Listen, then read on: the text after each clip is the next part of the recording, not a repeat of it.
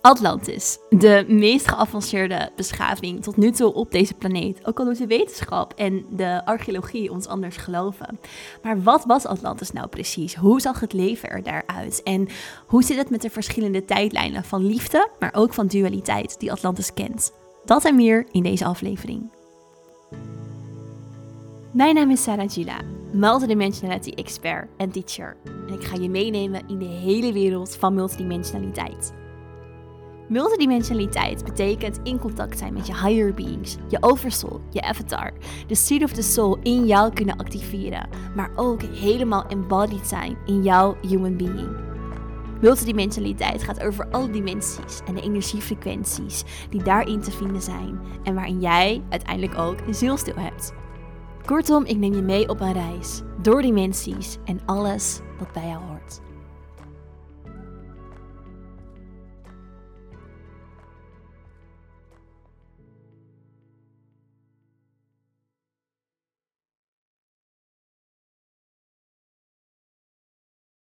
Ja, welkom terug bij weer een nieuwe aflevering van de Inspired Podcast. Leuk dat je luistert.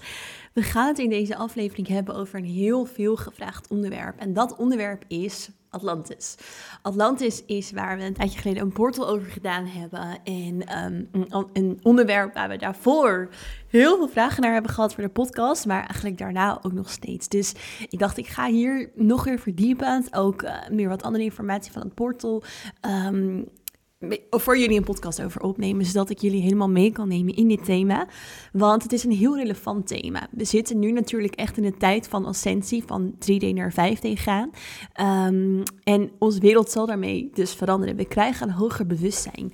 En wat heel mooi is om te zien, is dat Atlantis en Lemuria ook, daar zal ik nog een andere podcast over opnemen. Dus ik hou hem nu even bij Atlantis. Uh, en soms zal ik trouwens wel even de vergelijking alvast maken met Lemuria, om jullie ook daar al een beetje in mee te nemen. Maar Atlantis was de beschaving die al in de vijfde dimensie geankerd was. Dus zij waren al daar en um, zijn toen uiteindelijk teruggevallen, teruggezet. Daar zal ik het zo over hebben naar de derde dimensie.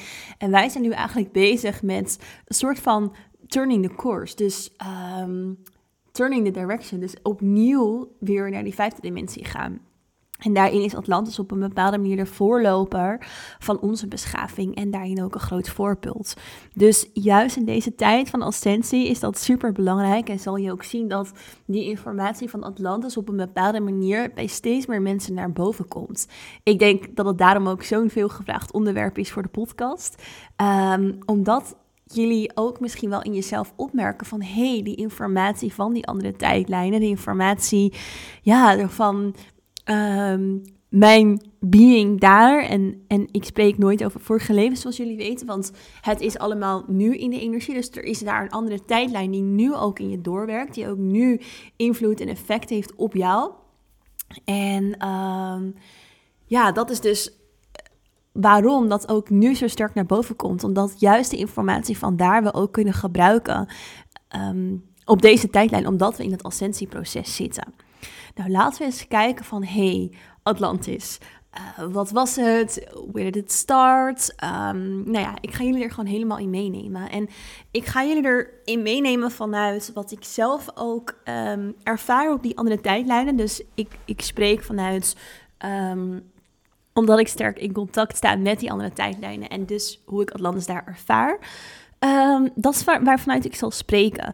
Uh, voor jullie. Maar daarin altijd belangrijk, blijf ook voor jezelf voelen van... hé, hey, wat is de informatie die jij hier over in jezelf misschien naar boven kan halen? Um, dat is belangrijk. Dus ik neem je mee in mijn ervaring hierin en hopelijk kan dat voor jou weer dingen naar boven halen.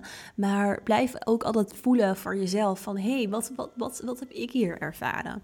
Uh, op welke tijdlijn heb ik daar lopen? Want eigenlijk bijna iedereen in deze tijd sowieso die al met bewustzijn bezig is, heeft andere tijdlijnen in Atlantis lopen.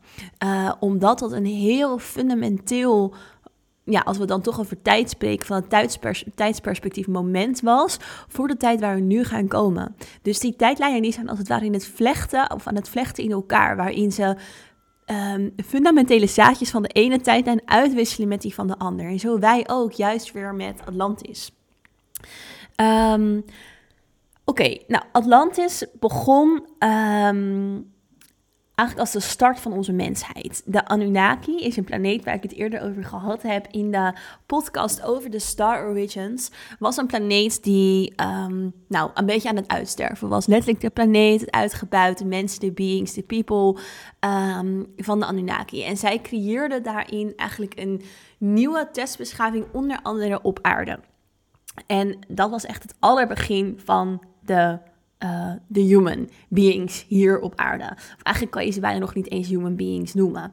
De Anunnaki heeft een positieve kant en een negatieve kant. Er zijn ook veel Anunnaki beings die slecht waren, die uh, nou ja, oorlog, galactische oorlogen, oorlogen voeren, voerden. En dus ook naar andere planeten gingen. Uh, maar er waren er ook natuurlijk, net als dat je dat bij mensen ziet, mensen maken oorlog en mensen maken geen oorlog. Ook een aantal heel veel goed.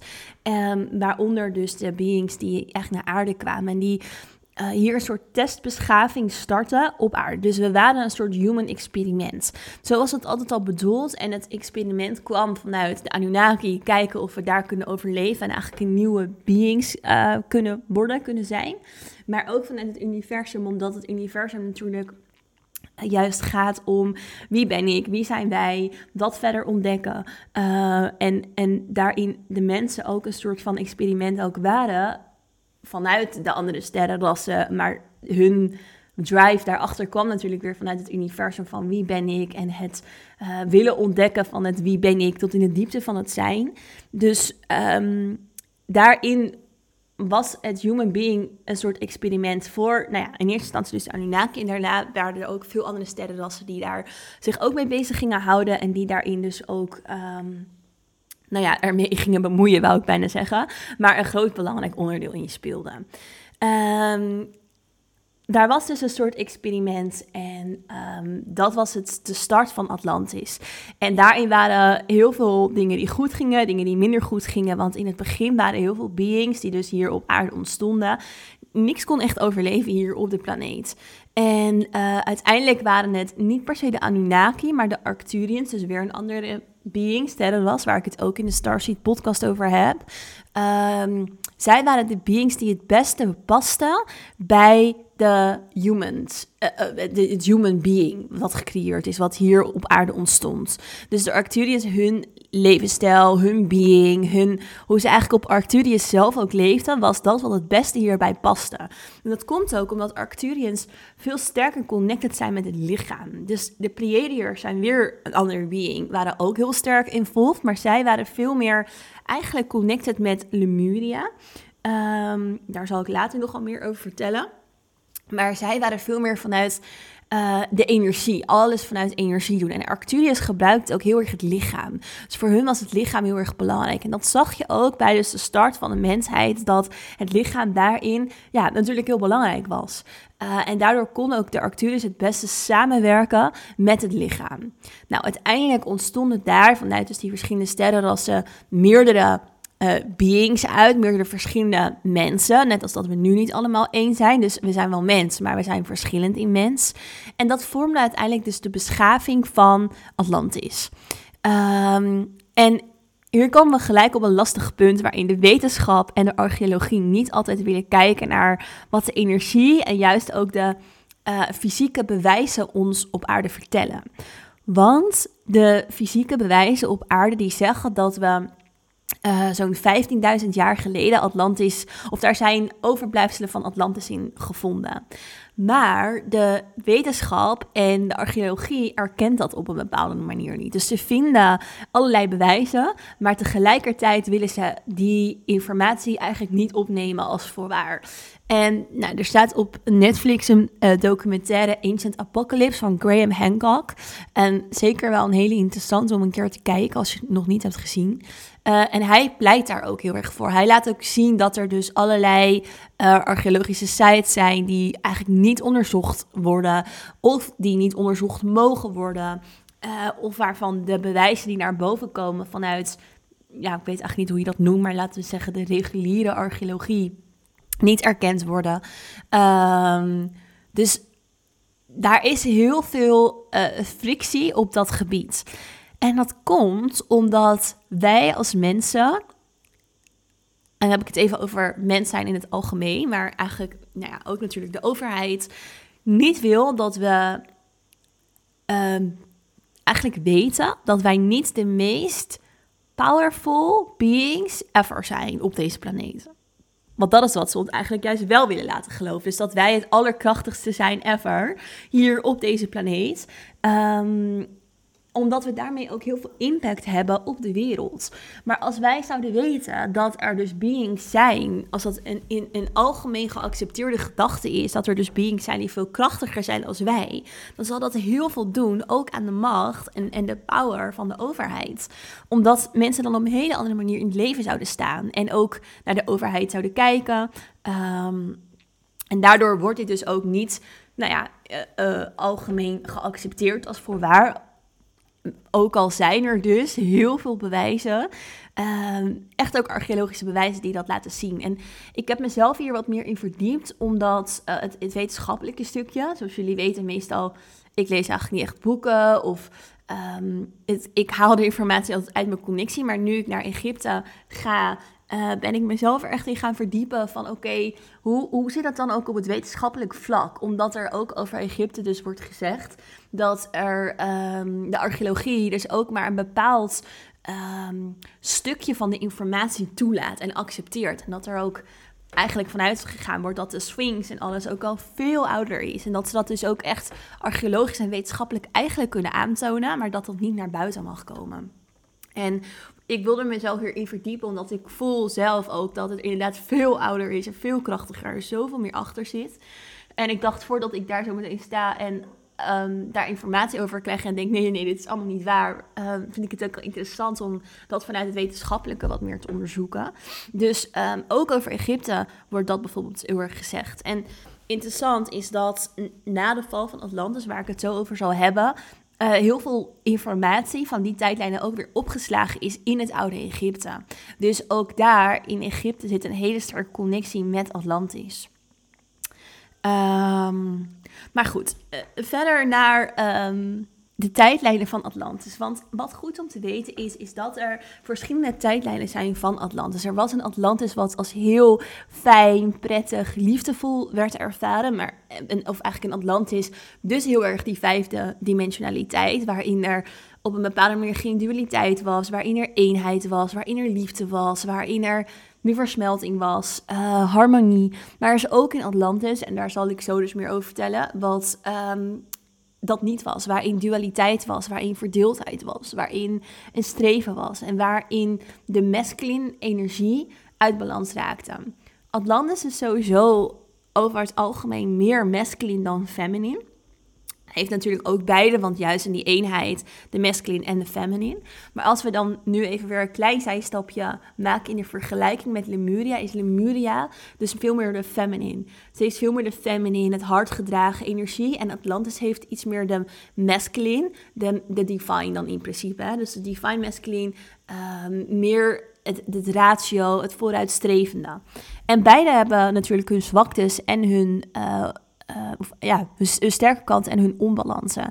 En daardoor zijn er dus ook meer de tijdlijnen van Atlantis. Dus het kan zijn dat als je zelf contact maakt met Atlantis en de tijdlijn van Atlantis, dat je het heel prettig ervaart en dat je heel veel licht ervaart, dat je uh, nou ja, die harmonie heel erg ervaart en dat je het heel idyllisch ervaart, want dat was het zeker ook. Maar het kan ook goed zijn dat je Atlantis juist ervaart als heel donker, als op een bepaalde manier traumatisch en heftig.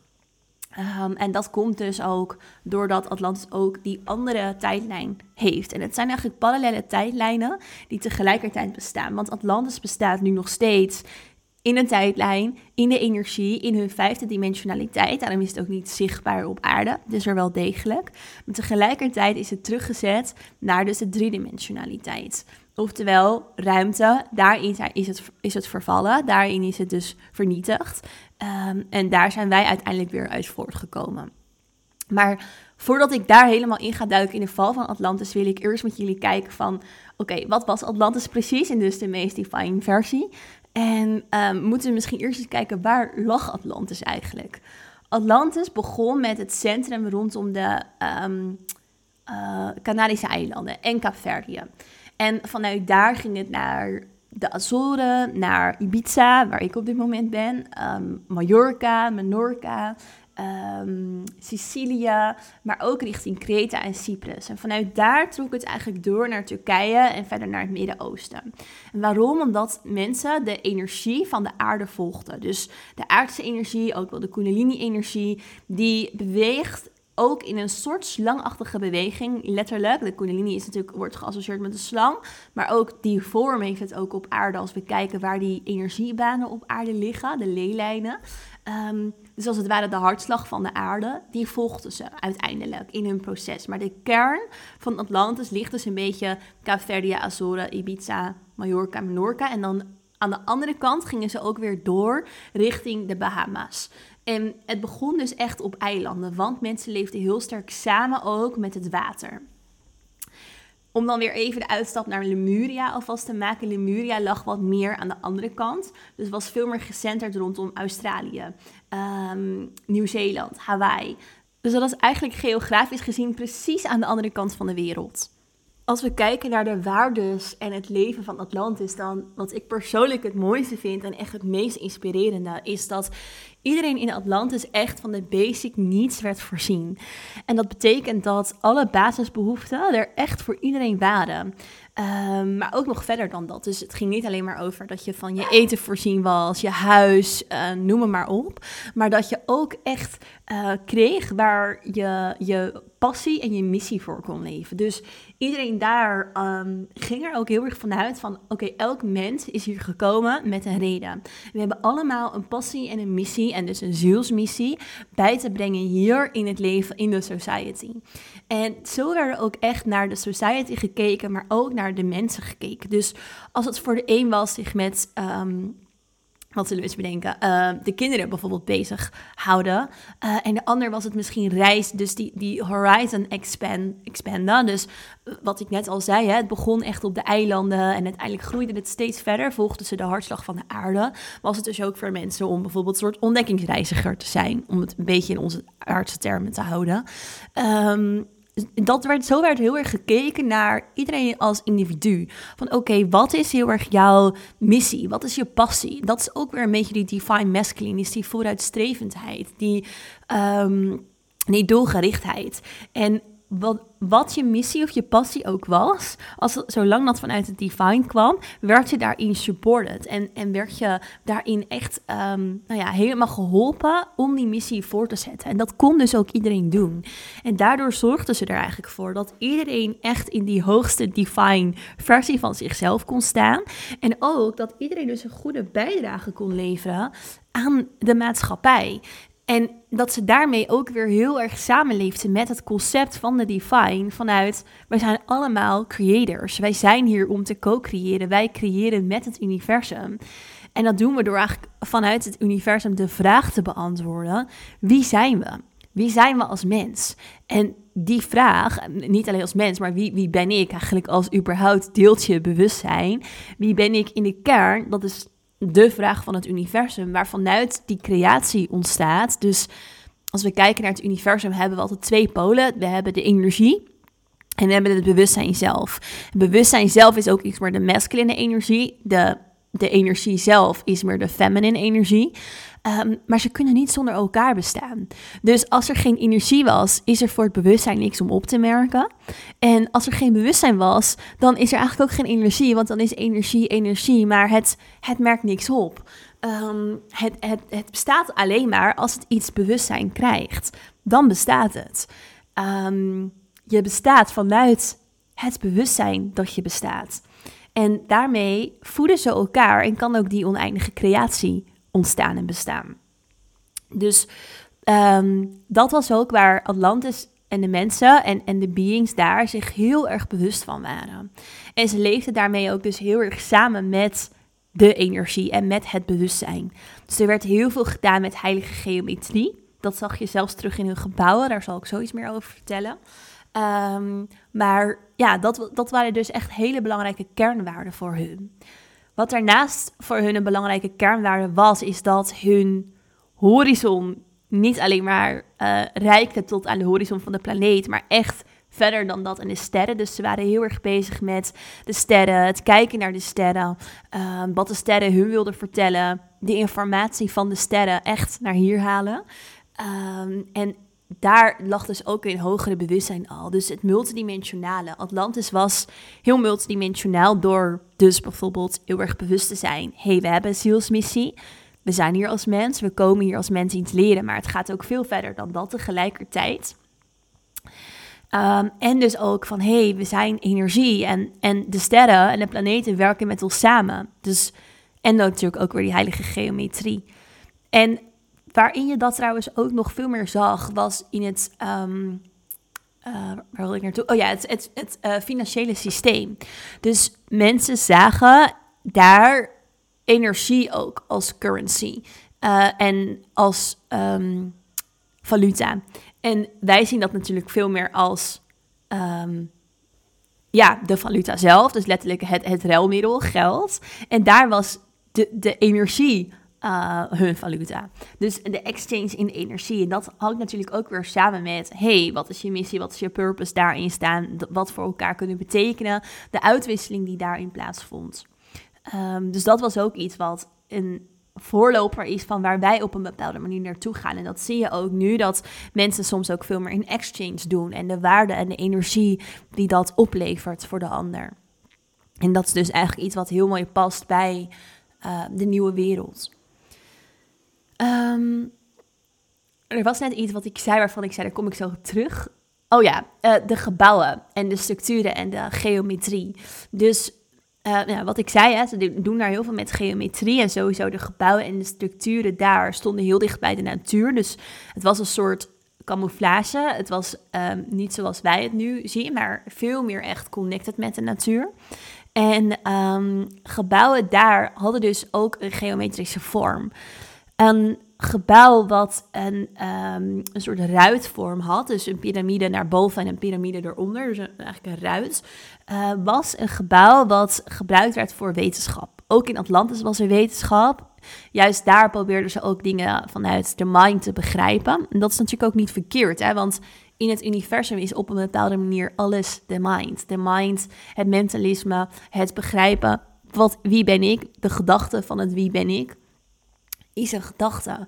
Dus wetenschap, daar um, was er ook. Alleen wat het anders maakt met de wetenschap dan wat wij hebben, is dat het al veel meer ging om een understanding dan alleen een weten. En dat ze dus ook veel verder keken en daarin eigenlijk een veel geavanceerdere um, technologie al hadden. Um, om dus ook dingen te meten voor de wetenschap die veel verder gaan dan het fysieke. Dus die echt veel meer gaan over de kwantumfysica, de energie. Uh, juist daar waren ze ook heel erg mee bezig.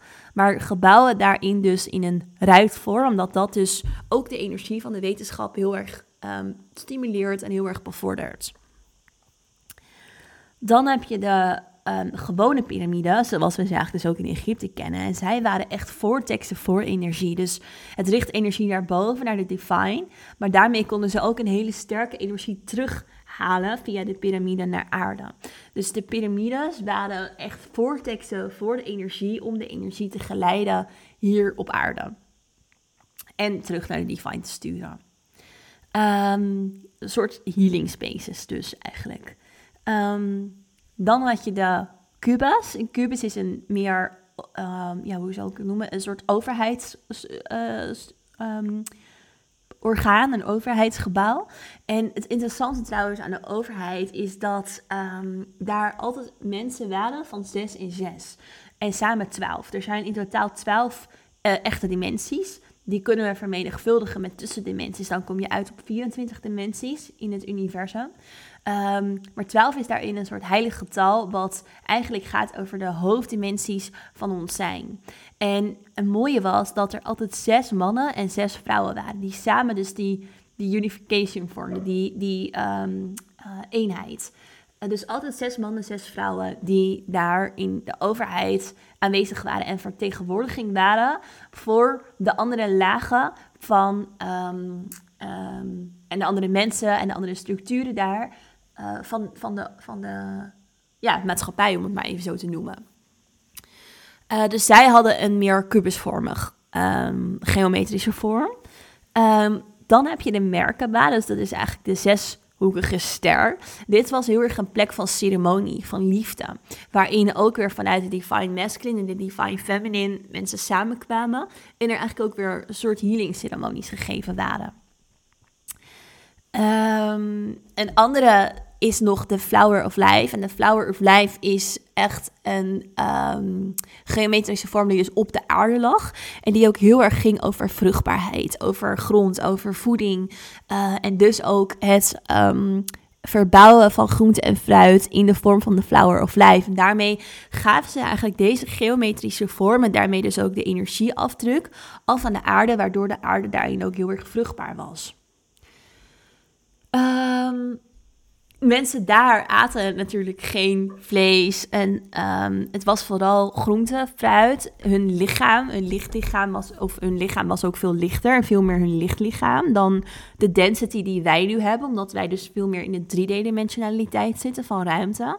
Daar was het een veel lichtere dimensionaliteit. Dus was er ook lichter voedsel nodig. Waar wij uiteindelijk ook naartoe gaan als we naar die vijfde dimensionaliteit gaan. Um, en daar gebruikten ze dus die, die Flower of Life voor. Um, ik zit even in te voelen wat ik er nog meer over kan vertellen. Mm, ja, wat me nog laten zien wordt is mensen daar. Er was overal, um, nou ja, die basic needs en dus ook uh, elektriciteit op een bepaalde manier. Er was, er was overal licht. Dus waar wij elektriciteit en kabels nodig hebben, was daar overal licht. En wat ik zelf ook heel sterk zie, is dat dat uiteindelijk ook iets is wat in de toekomst hier op aarde ook weer terug zal komen. Dus dat we geen kabels meer nodig hebben voor elektriciteit, maar dat ook wij weer weten hoe we de elektriciteit en het licht kunnen laten stromen en produceren, zodat het hier um, op aarde gewoon ook voor iedereen provided is. Um, ja, ik denk dat dat voor nu even een beetje is over, over het, leven, zeg maar. Daar dat jullie een mooie uh, beeldvorming geeft. En dat, dat je daarin misschien ook zelf weer dieper en dichter bij je herinnering kan komen. Uh, wat daarin belangrijk is. Um, ja, dan. Um, naar de tijd van Atlantis, waar we op een bepaalde manier dus niet zulke fijne herinneringen aan hebben. En wat belangrijk om te weten is, is dat wij zijn de microcosmos in de macrocosmos. En dat betekent dus dat de val van Atlantis ook een heel groot effect had op, het andere, of op de rest van het universum. Um, en juist ook omdat de planeet en de maatschappij van Atlantis dus van de vijfde naar de derde dimensie terugging. Um, ja, had dat ook een soort ripple effect op de andere planeten en de beings. Dus juist ook als ik aan het begin van de podcast vertelde, hè, dat er heel veel beings vanuit andere plekken ook um, op aarde waren in Atlantis. Um, ja, had dat voor hun natuurlijk ook een heel groot effect. Dus zij leerden daar ook weer heel erg van voor hun eigen beschavingen en societies. En daarin was het dus niet alleen maar slecht en was er ook heel veel informatie van daar wat doorging eigenlijk naar de andere plekken in het universum. Uh, maar het is wel belangrijk om te weten dat het dus een groot ripple effect had. Nou, voor het universum nogmaals is er dus geen tijd. Er zijn alleen parallele tijdlijnen. En we gaan nu dus kijken naar de tijdlijn waarin Atlantis dus uh, te veel in die verdeeldheid zat. Waarin het te veel in het stukje zat waarin het um, ja, in dualiteit leefde. Dus wat ik al zei, hè, ze waren dus sterk op een bepaalde manier connected met de masculine, met het... Um, het vooruitstrevende. En dat werd uiteindelijk ook hun schaduwkant. Dus waarin elke kant van de divine een positief heeft en uiteindelijk ook weer een soort negatief, om het zo maar even uit te leggen. Um, was dat ook zo bij Atlantis. En dat betekent dat ze uiteindelijk zichzelf verloren in dus te veel dualiteit, te veel macht, te veel power. En dat ze daarmee dus de verbinding kwijtraakten met dat stukje liefde, dat stukje divine. En wat ze daarmee deden is, ze werden zo sterk in het sturen en het kanaliseren van energie, waar dus op een bepaalde manier die piramides ook een belangrijke rol in speelden, dat ze uh, kristallen gingen opladen met energie. Dus ze wisten hoe ze eigenlijk energievortexes konden maken. En wat daarmee gebeurde is dat met die energievortexes ze um, zoveel energie op één plek eigenlijk brachten, dat het een soort atomische energie werd, een soort kerncentrale-achtige energie. Waarmee ze dus zichzelf en andere beings letterlijk konden opblazen. Dat was vanuit energieperspectief gezien um, ehm, ja, de situatie. En tegelijkertijd zorgde dat er ook voor dat die energie en het kanaliseren van die energie ook een effect had op het, de verandering van het klimaat.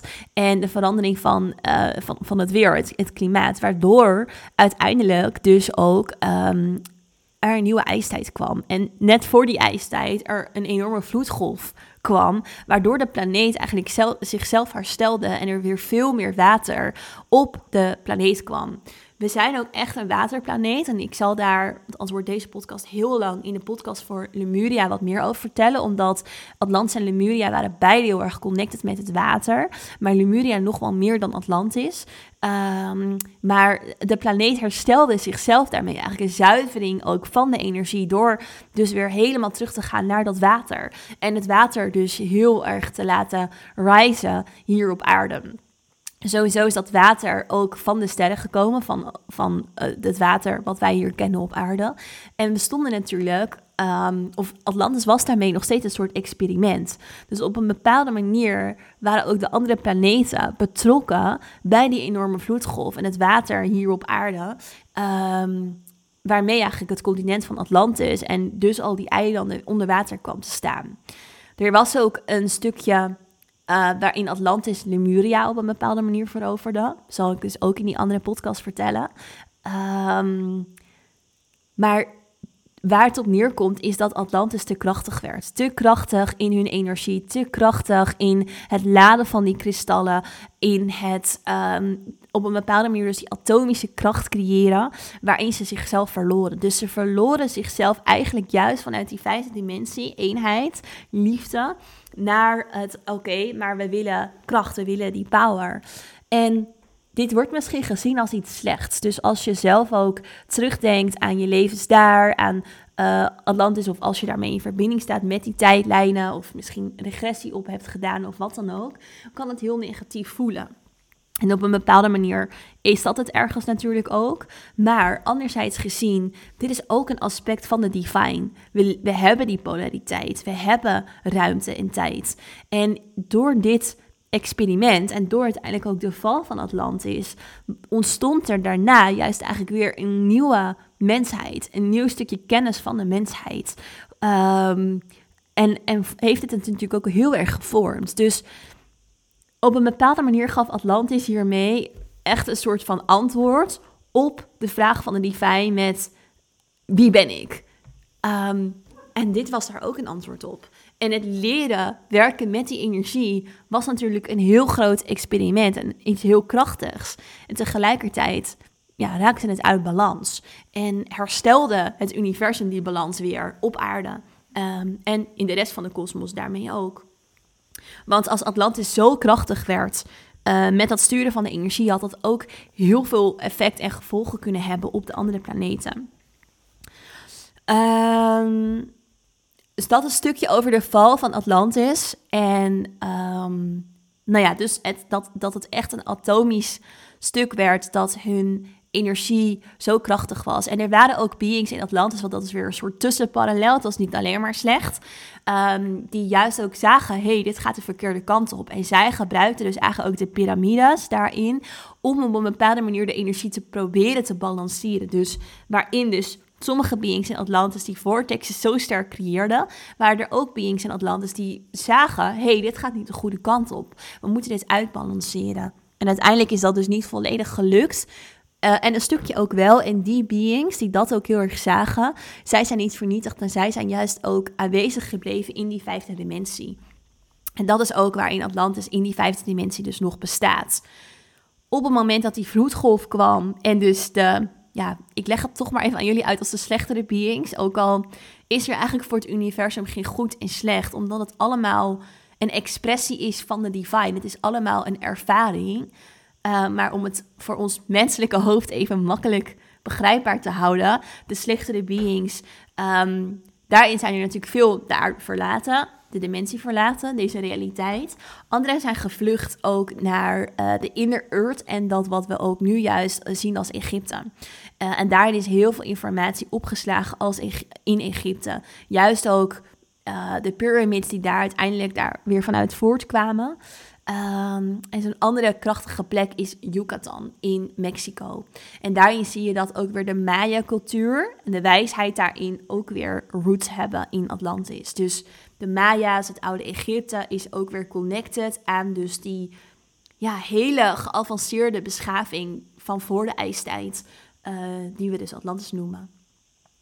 En wat eigenlijk dus, wat ik aan het begin ook uitlegde, de wetenschap ziet als wij zijn de Homo sapiens sapiens, we zijn verder geëvalueerd vanuit ehm, de jagers en verzamelaars, maar het gaat veel verder en, en um, geavanceerder daarvoor dan dat wij alleen maar zelf zo geavanceerd zijn en gegroeid zijn vanuit de jagers en verzamelaars. Maar net als met alles, voel je hierin ook voor jezelf in van hé, hey, welke informatie krijg jij hierover door? Ik spreek vanuit ja, dat wat ik zelf in de andere tijdlijnen ervaar. En dat deel ik met je. Maar nogmaals, ik vind het altijd heel belangrijk dat je ook zelf voelt van hé, hey, wat, wat, ja, wat voor informatie krijg ik hierover door? Hoe voelt het voor mij? Kun je misschien wel verbinding maken met die tijdlijn? En dat is ook heel erg belangrijk, omdat we dus nu aan het soort van timeline jumpen zijn. Dus, dus de informatie van die andere tijdlijnen komt nu bij ons naar boven. En wij wisselen op ons beurt ook weer informatie uit van deze tijdlijn met de andere tijdlijnen van daar. Dus het is zaadjes planten om uiteindelijk verder te groeien. En dat heeft heel veel effect op onszelf persoonlijk, maar nog meer op het collectief en de wereld en ook buiten de wereld, het universum. Uh, want als wij met de planeet gaan ascenderen van die derde dimensionaliteit naar die vijfde dimensionaliteit, dan heeft dat echt een heel groot effect. En zijn we daarin een heel groot voorbeeld ook voor andere um, beings in het universum. Oké, het is al een redelijk lange podcast aan het worden. Ik ga hem hier wat betreft Atlantis verlaten. En ik kom heel snel terug met een andere aflevering ook over Lemuria. Zodat het je plaatje nog meer uh, rond maakt. En je misschien ook kan voelen van... hey, met welke van de twee voel ik me het meest connected? Um, en daarbij gezegd wil ik nog een keer zeggen dat Atlantis natuurlijk ook een hele fijne kant had. Ondanks de val en het, het stukje die Divine Masculine. Uh, maar die zie je ook juist nu in onze wereld. Alleen dan meer in de hurted variant. Dus hoe mooi om die weer meer te herstellen. En die daadkracht en die doelgerichtheid en die vooruitstrevendheid is zeker niet verkeerd. Behalve als hij dus omslaat naar de, de downside ervan.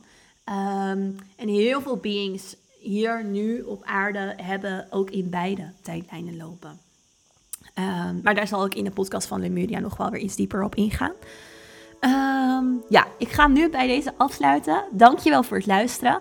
Ik wil je vragen ehm, dat als je iets aan deze aflevering hebt gehad, of je alsjeblieft een sterrenrating achter wilt laten uh, op de podcast hier op Spotify, of als je een iPhone hebt, even naar Apple Podcasts te gaan en daar een review achter te laten, is echt maar heel weinig werk en het helpt ons onwijs om de podcast te laten groeien, omdat we daarin gewoon hoger in de zoekfuncties komen. Dus dat zou echt helemaal te gek zijn als je dat wilt doen als um, ja, bedank je voor deze podcastafleveringen. En ehm, ja, dan wil ik je vooral nogmaals bedanken voor het luisteren. En zie ik je heel graag terug in de volgende aflevering in Spirit.